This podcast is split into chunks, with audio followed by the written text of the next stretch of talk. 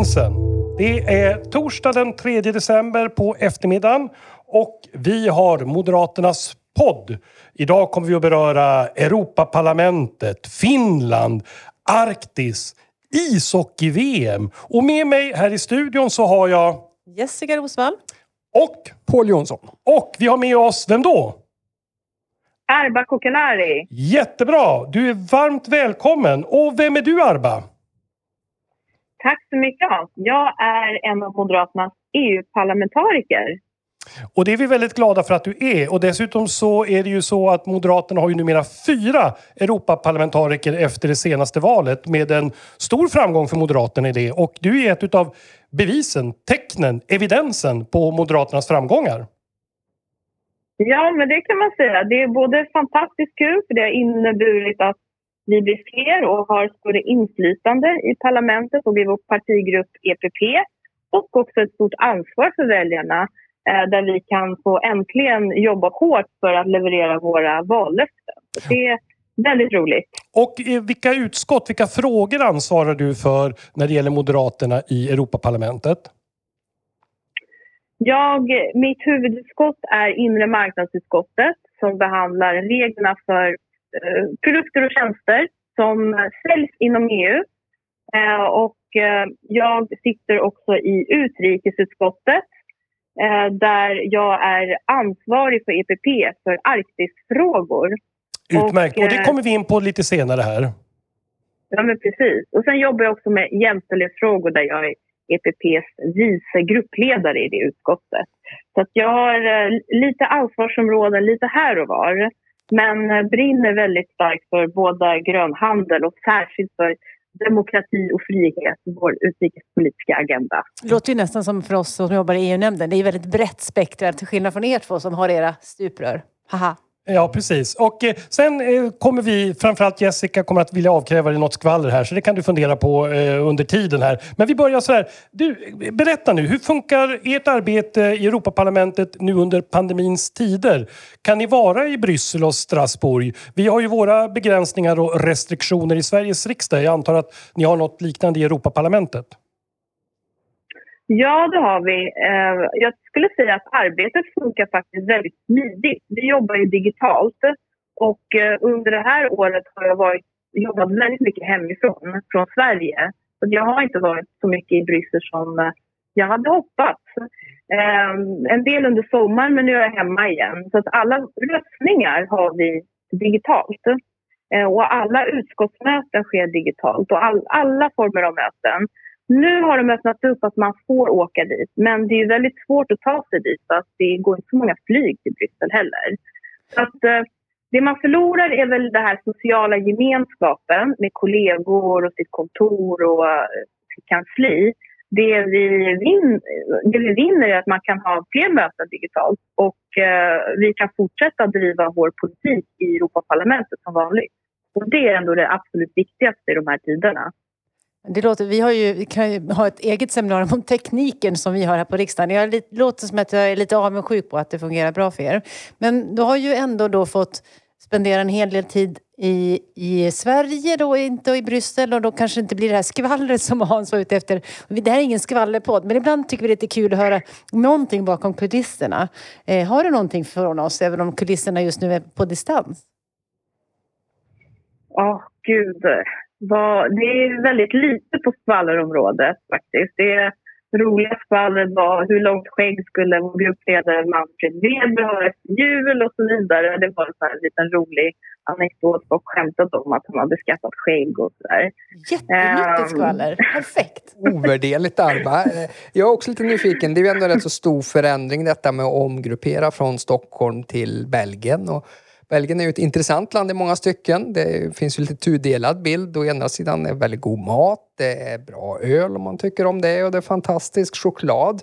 Men det är också ibland lite dysfunktionellt eh, land. Jag kommer ihåg själv, jag jobbar ju som kanslichef i Europaparlamentet för Moderaterna. Jag kommer ihåg, det tog mig ett halvår innan jag fick internet i min lägenhet. Det, och då var man ju tvungen att ta ledigt då en halvdag för att vänta på att en eh, montör från Belgacom ska komma och så dök de inte upp och så vidare.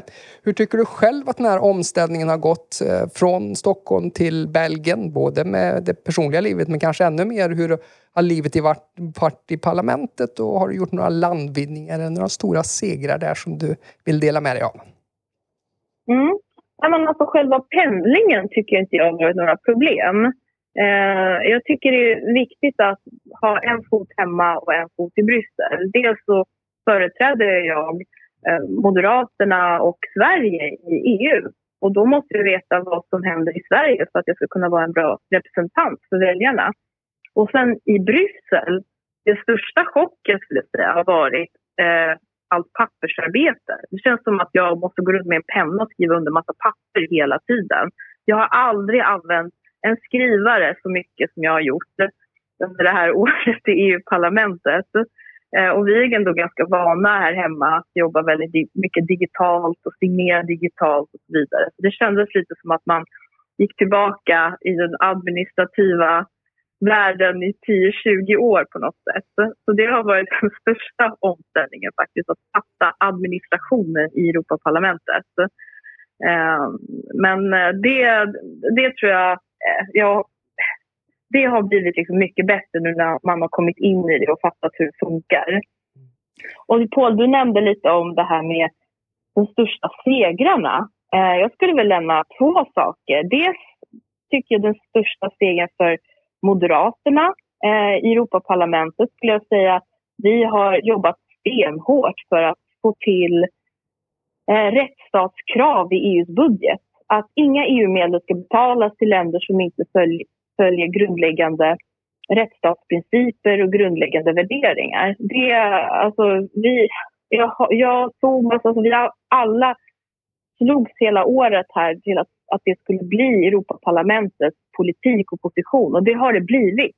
Nu finns det ju en, en överenskommelse med EUs eh, ministrar, regeringar och Europaparlamentet om att nästa budget och alla EU-medel eh, där ska den här rättsstatsmekanismen vara en del av. Så de enda som desperat stretar emot för att det här ska införas nu det är ju surprise, Polen och Ungern.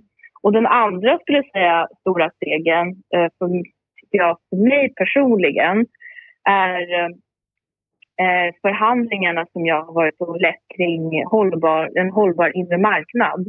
Hur näringslivet och företagande och handeln inom EU ska kunna blir mer grön och cirkulär. Så jag är väldigt faktiskt eh, glad att jag lyckades få med Europaparlamentet förra veckan eh, att eh, vara för mina förslag som innebär att vi ska upp handeln för eh, för tjänster så att man kan eh, handla med att, reparationer och abonnemang. tjänstesektorn är den mest slutna inom EU så vi har stora problem med mycket byråkrati och hinder där. Och att det, det ska bli lättare faktiskt att kunna sälja återvunna eh, naturresurser över gränserna. Alltså till exempel återvunnen plast eller återvunna textilier. Eh, och idag klassas det som avfall och då kan man inte exportera det inom EU hur lätt som helst. Och det är en av anledningarna till att det är dyrare att få tag på produkter inom EU som är eh, av återvunna material till exempel. Så det känns jätteroligt.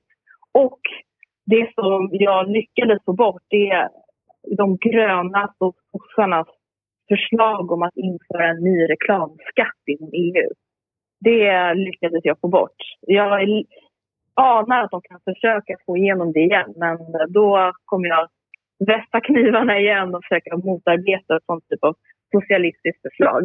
Där är det ändå bra med alltså blockad jämfört med den frågan som du började med, med rättsstatsmekanismen och Ungern och Polens veto och blockering. Mm. Du skulle ha hört mig förra gången, jag var ju ja, titta lite på Hans, topptunnor rasande förra veckan, eller för, för två veckor sedan. Du var ilsken! Ilsken var jag. Ja, nej, men jag, vi delar ju den, den uppfattningen. Jag har ofta lyft fram just vilket bra arbete ni, eh, våra Europaparlamentariker, har gjort kring den här frågan och, och att också hålla stången nu in i det sista.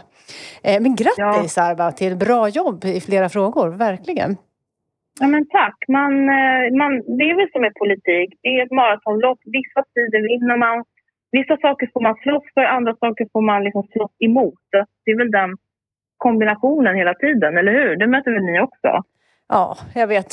Särskilt när man sitter i opposition. Men vi ska försöka låta, låta det vara trevligt. En annan sak som vi faktiskt har vunnit som vi har pratat om några gånger det är ju Magnitsky-lagstiftning som vi nu ser är på plats. Vi har ju pratat om det, Moderaterna har ju drivit det ganska länge. Eh, von der Leyen höll, tog upp det i sitt eh, tal till eh, State of the Union. Och sen fick vi ju någon nyhetsflash för några vecka sedan att det nu är, kommer att komma på plats. Och det är ju ett enormt stort steg framåt för, för många saker. Så det, det är ett säger vi grattis till oss för. Ska vi kanske bara kort förklara för alla som inte är helt initierade. Vad är då en Magnitsky-lagstiftning? Nu kallar man ju det på europeisk grund en, tror jag, en eh, global sanktionsregim för brott mot mänskliga rättigheter. Eller EUs globala sanktionsregim för eh, brott mot mänskliga rättigheter. Men det är ju ett krav som har ställts, inte minst med anledning av de övergrepp som till exempel Ryssland har gjort eh, i samband med att man har jagat oppositionella. Och då var det ju en advokat till eh, en, en kapitalist i, som hade investerat mycket pengar i Ryssland, Bill Browder, vars advokat eh, skyddade Bill Browders eh, egendom och hans aktiebolag. Eh, advokaten Magnitsky hamnade i fängelse, utsattes för mycket omild behandling och dog. Och det är därför, för att hedra hans namn, som man kallar då Magnitsky-lagstiftning. Men det är helt enkelt för att kunna jaga de personer längst ute på linjen som är ansvariga för att eh, förfölja, döda och tortera oliktänkande oppositionella. Så att det är precis som Jessica säger, det är en stor seger och eh, ryktet måste ju även finnas där nere i Bryssel så att jag kan anta att EPP-familjen, i alla fall den nordiska delen av EPP-familjen, är glada. Eller vad säger du Arba? Ja, det här är ju otroligt efterlängtat. Vår partigrupp EPP driver frågan. Eh, jag har lagt flera sådana förslag i utrikesutskottet. Och, alltså, det, är en, det är en viktig fråga för, för Moderaterna, det är en viktig fråga för eh, vår partigrupp EPP. Och nu kommer nästa vecka kommer EUs utrikesminister fatta ett formellt beslut om den här EU-sanktionslagen eh, den 10 december som faktiskt också infaller samtidigt som den internationella dagen för mänskliga rättigheter.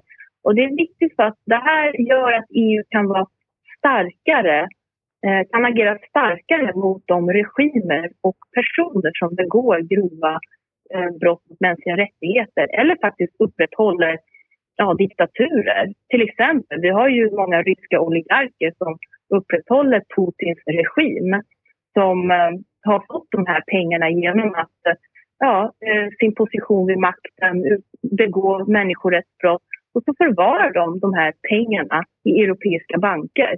Det är inte riktigt okej, okay, tycker jag. Men det finns ju ett litet problem med lagstiftningen och sanktionslistor i likhet med eh, utrikes och säkerhetsfrågor inom Europa. Och vad är det, Paul? Och vilken problem som... Ja, med de här sanktionslistorna. Vad är det? De kräver nämligen enhällighet. Enhällighet, ja. Det tycker vi begränsar effektiviteten i utrikes och säkerhetspolitiken. Då. Vi kan ju se ibland hur ett land agerar lite grann som en närmast en trojansk häst för att till exempel främja andra länders intressen. Det kan vara Ryssland eller det kan vara Kina och därför har vi ju arbetat för att vi faktiskt ska kunna fatta de här besluten med kvalificerad majoritet. Allt i akt och mening för att EU ska bli en god kraft för att driva på en djupare säkerhets och försvarspolitik. Och hur driver vi den frågan i Sveriges riksdag, Jessica? Ja, vi lyfter den med utrikesministern så ofta vi kan. Både på, gör du det Hans på utrikesutskottet och vi ställer frågor och jag försöker lyfta det i EU-nämnden så ofta jag kan. Men jag tänkte, eh, på skvallerfråga, en annan fråga som vi diskuterar, det här har vi pratat om flera gånger och det är ju ett, det här är ett problem. Eh, ett annat problem som jag har sett komma flera gånger det är att svenska, svenska regeringen inte driver våra frågor tillräckligt hårt på plats. Och det gäller ju även den här frågan. Alltså det, det räcker ju inte med att vi i här i Sveriges riksdag påtalar om att vi kräver kvalificerad majoritet i de här typen av frågor. Utan det gäller också att våra ministrar faktiskt säger det på plats i Bryssel och arbetar metodiskt eh, med många frågor. Och en känsla som vi har haft här flera gånger nu det är att, att svenska regeringen kanske inte är tillräckligt intresserade. Man har inte människor ute på rätt platser och positioner. Det är svårt i coronatider såklart. Men, men vad säger du Arba? Alltså, är det någon känsla som ni har att svenskarna inte tar tillräckligt mycket plats i eh, Europafrågor? Ja, det tycker jag verkligen är en korrekt analys, Jessica. jag ser en rätt stor skillnad. Ni har ju varit med länge. Vilken stor skillnad det är med hur stark Sveriges röst i EU nu jämfört med eller hur, li, hur svag den är nu jämfört med hur stark den var under alliansregeringen. Alltså, både när vi var med och styrde Sverige, då, hade, då var vi väldigt aktiva i EUs ministerråd och Sverige hade en trovärdighet. Vi var väldigt aktiva i frågorna. De senaste åren med Stefan Löfven vid makten, ja, då har ju Sverige inte prioriterat EU. Ja, men då är det ingen som lyssnar på oss heller om vi inte har någonting att säga. Och det är verkligen tråkigt och det är synd att regeringen har nästan lagt all sitt fokus under många år här åt FN som är dysfunktionellt. Eh, det funkar inte så bra och effektivt utan det är EU som är vår viktigaste plattform där vi kan göra skillnad för svenska intressen och för vår politik eh, globalt. Så att eh, det är ett stort problem och jag hoppas såklart att ett regeringsskifte kan få detta ändra sig. Och där är det ju så viktigt att man förmår bygga allianser, att man kan samverka och samarbeta, inte minst i närområdet. Det är ju någonting som eh, Jessica i EU-nämnden, Paul i försvarsutskottet, jag i utrikesutskottet hela tiden har försökt eh, upplysa regeringen om att eh, vi måste ta lid, vi måste ta ledning, inte minst i vårt eget närområde, Östersjöområdet. Det handlar både om det nordiska samarbetet men också inom EU det nordiskt-baltiska. Eh, Paul har ju till exempel drivit detta rätt mycket när det gäller eh, det försvarspolitiska samarbetet, eller hur? Absolut. Men låt mig bara säga lite grann kopplat till Arbas diskussion också. För det som ändå var drivkraften för oss under alliansåren, det var ju att vi skulle tillhöra kärnan i Europasamarbetet och det var i riktmärket och därför drev vi ju på oerhört hårt. Sen måste jag säga att det finns ett plats där verkligen svenskar gör skillnad i Bryssel. Det tycker jag verkligen är Europaparlamentet. Jag jobbar ju själv där som kanslichef jag kommer ihåg jättemånga tillfällen då den moderata gruppen faktiskt ändrade hela EPP-gruppen. Så man kan verkligen ha påverkan i Bryssel och i Europaparlamentet bara man är påläst och kan bygga allianser. Och eh, som sagt, för att knyta det till närområdet, och så allianser bygger vi också allt djupare i nordisk-baltiska kretsen. Men det landet som ändå som har sin särställning där för svensk säkerhetspolitik, det är ju Finland. Och det har att göra med våra långa historiska band och liknande säkerhetspolitisk utformning. Och de banden och samarbete har ju ändå fördjupats. Vi fattade ju en ny lag om ett operativt försvarssamarbete med Finland den 8 september i år och det är klart att det här arbetet drivs på allt djupare nu. Och vi har från Moderaternas sida sagt att det här är bra att vi jobbar med Finland och vi fördjupar det ännu mer. Och då har vi sagt att det är tre saker som vi ska tänka på för att få ännu mer fördjupat samarbete med Finland. Det första är att knyta ihop det så mycket det går med de andra internationella försvarssamarbetena, det vill säga med Norge, med Danmark, med Storbritannien och inte minst med USA. För då blir det svensk-finska samarbetet då både starkt, trovärdigt och krigsavhållande om det ses i en större sammanhang. Det andra vi har sagt som är viktigt det är ju också att försvarspolitiken och säkerhetspolitiken faktiskt hänger ihop. Fördjupar det försvarspolitiska samarbetet då, då ska vi också fördjupa det säkerhetspolitiska samarbetet. Ett sådant steg skulle vara till exempel då att Sverige likt Finland inför en NATO-option i sin egen säkerhetspolitiska linje. Där har vi ju olika förhållningssätt och det är inte bra. Det är väl bra om Sverige och Finland har jämställda relationer med, eh, med eh, NATO.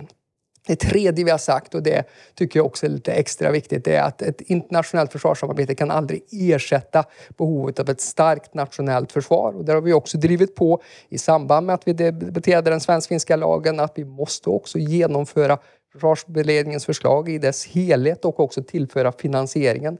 Jag kan konstatera att den finske presidenten Niinistö påminde Sverige om detta också. Att kom ihåg att den nationella förmågan lägger lite grann grunden till förutsättningarna också för det internationella försvarssamarbetet. Så på bilateral basis har vi jobbat mycket med Finland. Jag pratade senast i morse med min kollega Ika Kannevaara som ordförande i finska utskottet. Men jag vet ju också, Hans, du jobbar ju väldigt mycket både bilateralt med Finland men också i en bredare nordisk kontext, inte minst som svensk delegationsledare till Nordiska rådet. Eh, om vi vidgar perspektiven då, bortanför Sverige och Finland, vart landar vi då? Ja, först så kanske man också ska påminna för oss alla historieintresserade. Vi är ju några stycken här i rummet, jag till exempel. Det ena är ju då att eh, söndag den 6 december så är det ju Finlands självständighetsdag. Och det där är väldigt betydelsefullt eh, därför att det är en förklaring till varför närheten och den särskilda ställningen mellan Sverige och Finland eh, betyder så mycket. Och det är ju vår gemensamma historia. Sen eh, försvann Finland ur sikte utifrån ett svenskt perspektiv i och med att det blev ett ryskt storfurstendöme efter det svensk-ryska kriget 1809, efter freden 1809. Och sen 1917 så fick man då sin självständighet, vilket ändå har betytt oerhört mycket för Sverige. Så det är ljuset utav det. Sen att de också har ungefär 120 mil landgräns gentemot tidigare Sovjetunionen, nu Ryssland, påverkar väldigt mycket. Och det gör ju att de säkerhetspolitiska utmaningarna är är i grunden oerhört delade. Därför är det bra att man nu på olika sätt fördjupar det, eh, både försvarspolitiska och det säkerhetspolitiska samarbetet mellan Sverige och Finland. Ytterligare en sån här historisk knorr, eh, det är ju bara att påminna om att just i år Eh, 2020 så är det då 150 år sedan den store presidenten Paasikivi föddes. Han föddes då eh, 1870. Eh, och det är också viktigt för att tänka därför att han var en av de här brobyggarna mellan den gamla och det nya. Och just också därför att han var en väldigt sann och aktiv nordist. Därför att man förstod från finsk sida att Norden var fönstret mot väst. Och det där tror jag är väldigt viktigt att man tänker på. Och det är därför också nordiskt samarbete i många stycken ibland är viktigare i andra länder än i Sverige. Det är en paradox. Ehm, men det är just därför det också är oerhört centralt för oss som moderater att driva på när det gäller nordisk och nordiskt-baltiskt samarbete. Och då är ju försvaret en central del utav det. Och då vill jag ändå föra tillbaka eh, lite grann till Paul. Du är ordförande i försvarsutskottet. Nu går man in på slutvarvet när det gäller då försvarspropositionen, inriktningen, alltså Sveriges försvar åren 2021 till utgången av 2025. Kan du bara säga någonting om det? För jag vet att idag, torsdag den 3 december, så har ju ditt utskott varit välbesökt utav media. Eh, därför att du har då också haft företrädare för Försvarsmakten och eh, Försvarets materielverk på plats. Precis, så här är det. Här är ju en lång resa som ju ligger bakom oss och det återstår kanske en eller två veckor och det var egentligen ända sedan vi började med försvarsberedningen och nu är vi som sagt inne på de sista klämtande sluttimmarna känns det som, i alla fall slutdagarna. Och vad vi har fått reda på, på nu på sluttampen är ju att det finns stora risker för att vi får ytterligare ett nytt underfinansierat försvarsbeslut. Det har dykt upp uppgifter om att det är stora fördyringar på strategiska materielprojekt. Nu har det handlat väldigt mycket om stridsflyg, då både CD och Gripen Erik och FK. Så vi ser också en del utmaningar kopplat Alla till... Alla dessa förkortningar på... ja, Erik, Cesar och David då, om det är bättre. Ja, tack, tack. och, och, vi ser också en del utmaningar kopplat till att kolla ekonomin på projekten när det kommer till undervattensförmågan. Så vad vi fick göra nu under den här sista veckan utav beredningen utav eh, propositionen, det var ju att vi fick eh, med omedelbar verkan i princip kalla in försvarsministern och få reda på, vi ville få upp allting på bordet och därefter så följde vi också upp idag med att få, att få Försvarsmakten och eh, FMVs analys utav riskerna för ytterligare ett nytt underfinansierat försvarsbeslut. Jag måste säga att jag uppskattade mer myndigheternas föredragning för vi fick reda på nya saker där som vi faktiskt inte kände till tidigare. Det ena var då att man pekade på att ja, det kommer att bli kostnadsfördyringar på på stridsflygsystemet. Eh, nu verkar man kunna lösa ut det under första kvartalet för att den här prissäkringsmekanismen slår ut väl till nästa, nästa år. Men det är klart, man kan ju inte driva ett försvar med man hoppar från tuva till tuva där man räddas av eh, en prisreglering som råkar bli lite bättre. Utan jag vill bara påminna om att det här är alltså, vi pratar första kvartalet på första året av försvarsbeslutet och vi har redan svårt att hålla in ekonomin. Så att det här kommer att bli en lång och krånglig resa tror vi och vi tror att vi går mot ett försvarsbeslut som tyvärr är underfinansierat och vi har en lång tradition i Sverige av att underfinansiera försvarsbeslut. Och för den intresserade så är det då så att debatten kring försvarspropositionen och inriktningen, både säkerhetspolitiken, det militära och det civila, det kommer att föras eh, i Sveriges riksdag den 14 december. Kan följas på många olika sorters digitala plattformar, men riksdagens hemsida är en väldigt bra sådan. Och sen så är det formella beslutet, det är då tisdag den 15 december.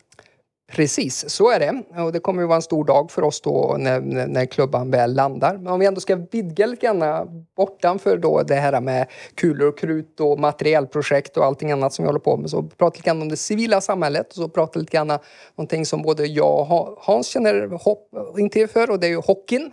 Rögle menar Eller Färjestad. Ja, ja, jag vet att du är riding alltså high nu. Mellan, det, är, det är en tidsfråga Hans innan vi ser omvända roller här ska du se. Men vi har ett hockey-VM som kommer upp. Finns, som ska vara i Belarus. Finns det synpunkter på det? kopplat till det? Ja, det gör det verkligen. Mm. Dels, vi har ju pratat om Belarus här några gånger och eh, ja, jag står som sagt, för det här är ju podd så ni ser ju inte, men jag står som tur är mellan Paul och Hans här så att jag kan hålla eh, stången som sagt var mellan de två. Och för övrigt så finns det ett lag som heter Leksand också. Men hur som helst, nej, nu är det ishockey-VM. Eh, och då så, så finns det ju, har det ju höjts röster om att, det behövs, att man ska bojkotta det. Eh, eller i vart fall flytta det snarare. Eh, och, och då har, finns det ju en diskussion som jag tycker är värd att diskutera. Hör politik och idrott ihop? Jag är ganska idrottsintresserad även om jag sysslar mer med eh, individuell sport än en lagsport. Hur som helst, så den här diskussionen tycker jag är svår att ta också därför att det, det, det är klart att idrott och politik kanske inte hör ihop men det får ju konsekvenser och man, vi, vi ser ju hur olika stater det är inte nytt att Belarus eller andra typer av diktatoriska stater utnyttjar idrotten till sina egna syften. Eh, så att det, här, det som kommer upp efter, nu får vi se hur det här löser ut sig, men eh, jag tycker nog att det finns... Det ser inte fram emot att se Lukasjenko sitta där och heja på glada ja, nu är det i och för sig corona, så det kanske inte blir någon publik, men i alla fall. Och nästa sak som kommer är ju eh, OS i Peking 2022, så att den här frågan är ju eh, väldigt aktuell. Alba, jag måste bara få berätta en liten detalj som jag tänkte på här när vi pratade om Är de Leksand? Nej, men det är faktiskt så att jag åker ju en del skidor och min första nordiska parlamentsmästerskap i skidor, då fanns Johan Mieto med i laget. Inte mitt lag då, men ändå. Komiskt namn. Eh, ja. Eh, men eh, vi, vi, tar, vi tar oss bort från skidspåren och landar i Europaparlamentet. Arba, det här med ishockey-VM i Belarus i maj nästa år, vinter-OS i Folkrepubliken Kina. Är det någonting som ni diskuterar i Europaparlamentet? Ja, det är en väldigt het fråga även i Bryssel faktiskt. Jag och Eh, flera andra EU-parlamentariker har skrivit ett brev faktiskt till Internationella Hockeyförbundet och vädjat om att de ska flytta plats på ishockey-VM. Så att, eh, det är helt oacceptabelt att eh, VM får eh, pågår då eh, i, i Belarus. Och jag tror att lyckas man ställa in det eller bojkotta, eh, flytta tävlingen, ja det skulle vara ett slag i ansiktet mot Lukasjenko. Nu har ju nu har ju många länder och EU äntligen infört sanktioner eh, som kommer träda i kraft här mot eh, honom och hans kompanjoner. Och då är frågan, vad kan man göra mer? Eh, för att massarresteringarna fortsätter, människor torteras på fängelsen. Vad kan man göra mer? Jo, men förutom att liksom kräva att han ska anmälas eh, till internationella brottmålsdomstolen så kan man faktiskt agera i den här frågan om det är någonting som jag lärde mig eller förstod under den tiden då jag jobbade på Moderaternas internationella stiftelse, Jarl Hjalmarsson-stiftelsen. Jag var ansvarig för just vårt arbete med Belarus och den belarusiska oppositionen. Det var hur mycket ishockey-VM betydde för Lukasjenko och hur stort ishockey-VM är i Belarus. Så att lyckas man få bort VM från eh, Belarus det tror jag kommer skada honom oerhört mycket. Så att, eh, absolut, vi, må, ja, vi måste trycka på. Det är toppen att ni också gör det i riksdagen. Jag tänker på det här med idrott och, och, och politik. Det är ju som sagt var, eh, eh, alltså idrotten ska ju vara självständig och politiken ska inte blanda sig i. Men å andra sidan så har vi väl sett eh, idrottare som också använder sin plattform. Inte Johan Mieto tänker jag på nu, det gjorde han ju förvisso. Utan Jessica Rosvall när hon eh, hade parlamentariska mästerskap på skidor. Exakt. Exakt. Nej, men jag vet att det är eh, idrottare av olika slag, inte bara hockeyspelare i Belarus som har skrivit på också eh, brev och skrivit sagt, eh, kanske inte nej till, till hockey-VM, men i vart fall att eh, Lukasjenko-valet inte ska ogiltighetsförklarat. Så där kan man ju ändå se, där är jag ju för att idrotten kan påverka eh, politiken. Sen om man bara drar in andan en liten stund, bara för någon mikrosekund, så är det ju precis det Arba sa. Det är väl att jäkligheterna i Belarus tycks ju tillta nu. Mm. Så att eh, nu mm. går man in, inte bara i en andra våg utav pandemi, utan i en andra våg av våld. Övergreppen ökar. Den här typen av systematisk våldtäkt, eh, andra former av övergrepp, misstankar om att man medvetet sprider covid-19 i fängelser och i häkten. Det är ju ganska förfärligt. Så det är ju därför det behövs den typen av tydlig motreaktion. Nu tänkte jag dock, eh, när vi har tagit den här inandningen kring allt det gruvliga i Belarus, för det kan vi använda hur mycket tid som helst åt att beskriva, så ska jag göra en sån här lokal radioövergång. Därför att från ishockeyrinkens is så finns det onekligen en hel del is i Arktis. Och då tänkte jag komma in på ditt arbete som du nämnde inledningsvis i den här podden, nämligen att du arbetar med Arktisfrågor i Europaparlamentet. Och beskriv lite det och framförallt vad har Europaparlamentet med det att göra? Jag kan ju förstå att EU-länder som Sverige och Finland och Danmark är engagerade. Men var finns den grekiska knorren i detta eller den kroatiska knorren? ja, det var ju en väldigt fin övergång Hans. Eh, jo, men så här. Eh, Arktis har den senaste tiden ökat i betydelse. Och på vilket sätt då kan man undra sig? Jo, dels att eh, Arktis värms upp två till tre gånger så snabbt som resten av världen. Och klimatförändringarna slår ju enormt mycket mer där uppe än i övrigt. Och redan om 10 till 20 år så kommer sommarisen ha försvunnit helt Eh, eh, på Arktis och ett nytt världshav kommer att öppnas upp. Där har ju stormakterna eh, fått nys om. Så vi ser en ökad aktivitet, både liksom från de självklara länderna, liksom Ryssland och, eh, och så. Men vi ser också en ökad aktivitet från Kina som ser det här som en möjlighet att börja transportera eh, olja och annat över, över norra norra klotet. Och eh, USA har ju också då förstått att oj, men om Kina och Ryssland ökar sina aktiviteter, då måste vi också göra det. Så de har också börjat aktivera sig där eh, med att eh, bygga isbrytare och så vidare. Kina bygger nya isbrytare. Donald Trump hade ju ett eh, konstigt utspel om att han vill köpa Grönland för att USA har en militärbas där och så vidare. Och då är frågan, vart, varför ska EU blanda sig i då? Jo, eftersom flera EU-länder är faktiskt Arktisländer. Sverige är ett av dem. Och EU har idag eh, gediget arbete när det gäller olika forskningsprojekt, när det gäller olika klimat och miljöprojekt i, på Arktis. Och eh, jag tycker det är dags nu att eh, både jag och många andra har insett värdet av det är dags att, också att EU har en samlad strategi för Arktis. För EU har en samlad strategi när det gäller vårt närområde till öst, vårt närområde till syd, eh, våra relationer på den transatlantiska eh, delen av världen. Men det finns inga samlad strategi för vårt norra närområde och för vårt norra grannskap. Och det är ju Arktis. Och eh, jag har fått i uppdrag då att eh, förhandla om en ny eh, Arktis-politik eh, då för, för EPP. Nästa år kommer EU-parlamentet ta fram ett, eh, ett parlamentariskt betänkande.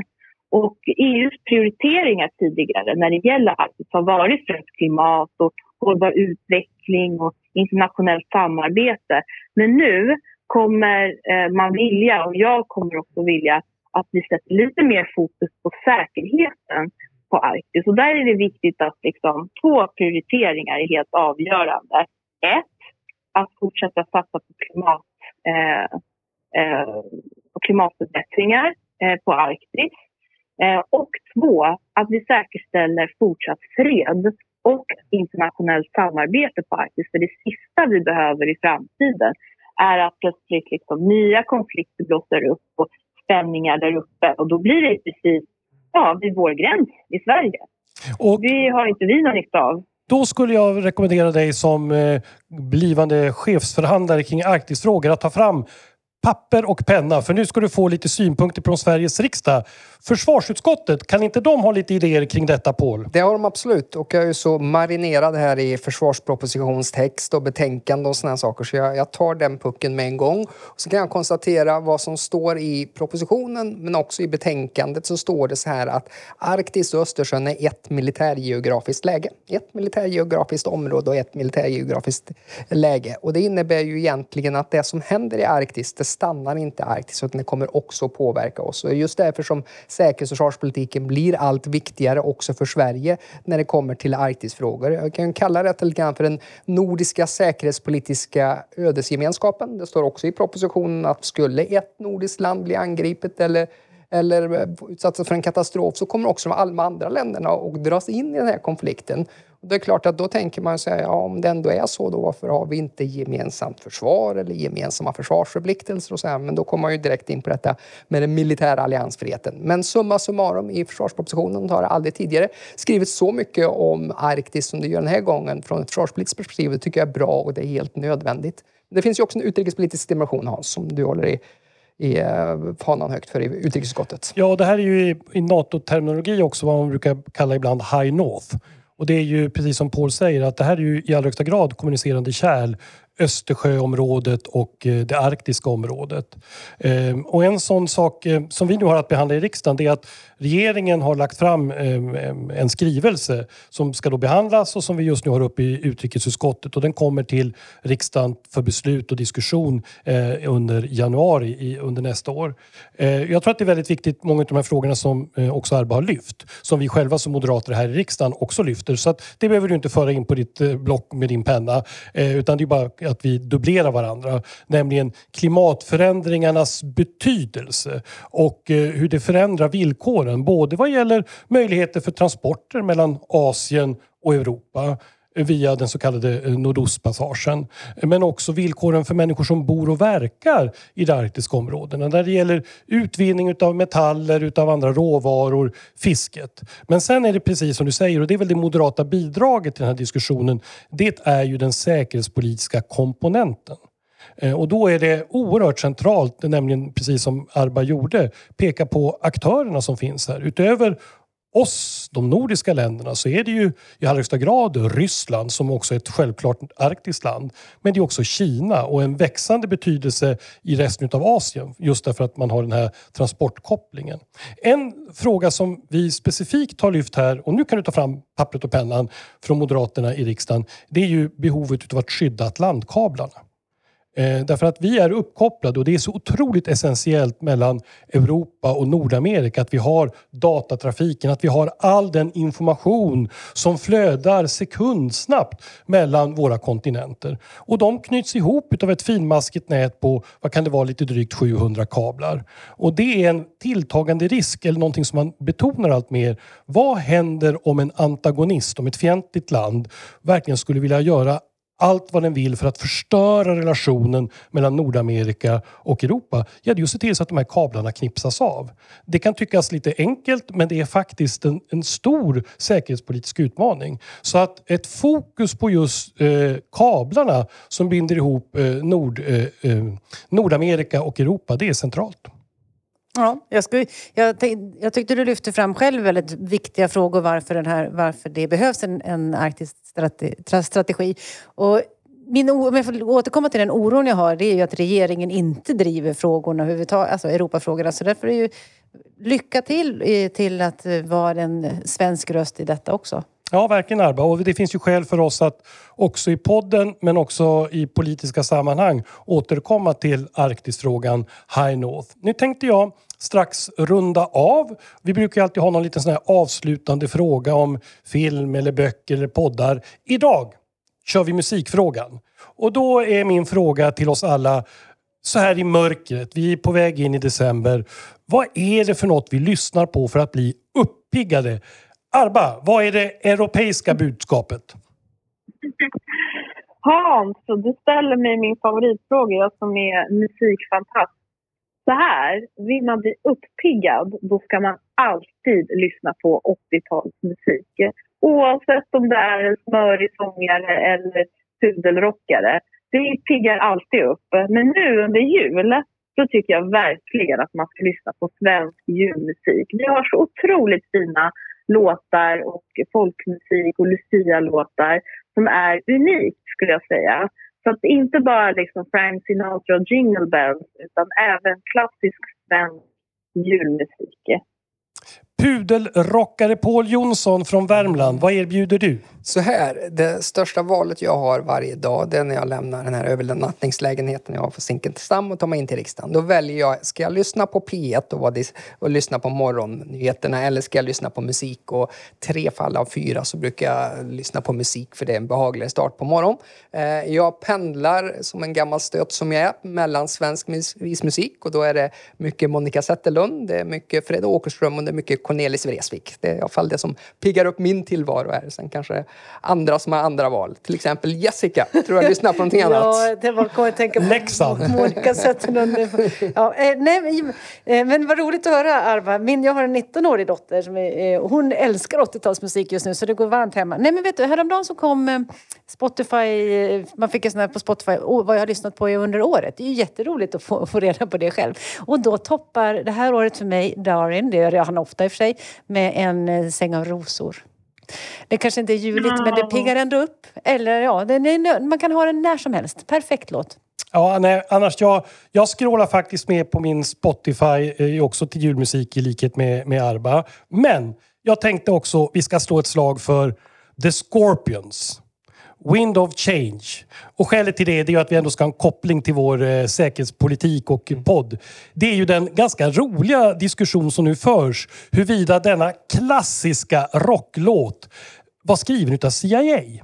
Och att det var en del i västerlandets eh, undergrävande verksamhet mot det mörkna kommunistsystemet. Så är inte det en lämplig avslutning på den här podden? Dessutom en ganska uppiggande och bra låt. Så The Scorpions Wind of Change. Och det är väl också en bra tanke inför både 21 och kanske i allra, hög, eh, allra högre utsträckning 22. Och med det så tänkte jag tacka Arba i Europaparlamentet, Paul i försvarsutskottet, eh, Jessica i EU-nämnden, Jonathan Olsson bakom mixerbordet och jag tror mig också kunna utlova en julpodd. Så vi kommer tillbaka innan julen och tomten har kommit och det nya året är här. Och med det så säger jag bara helt enkelt Håll gränsen!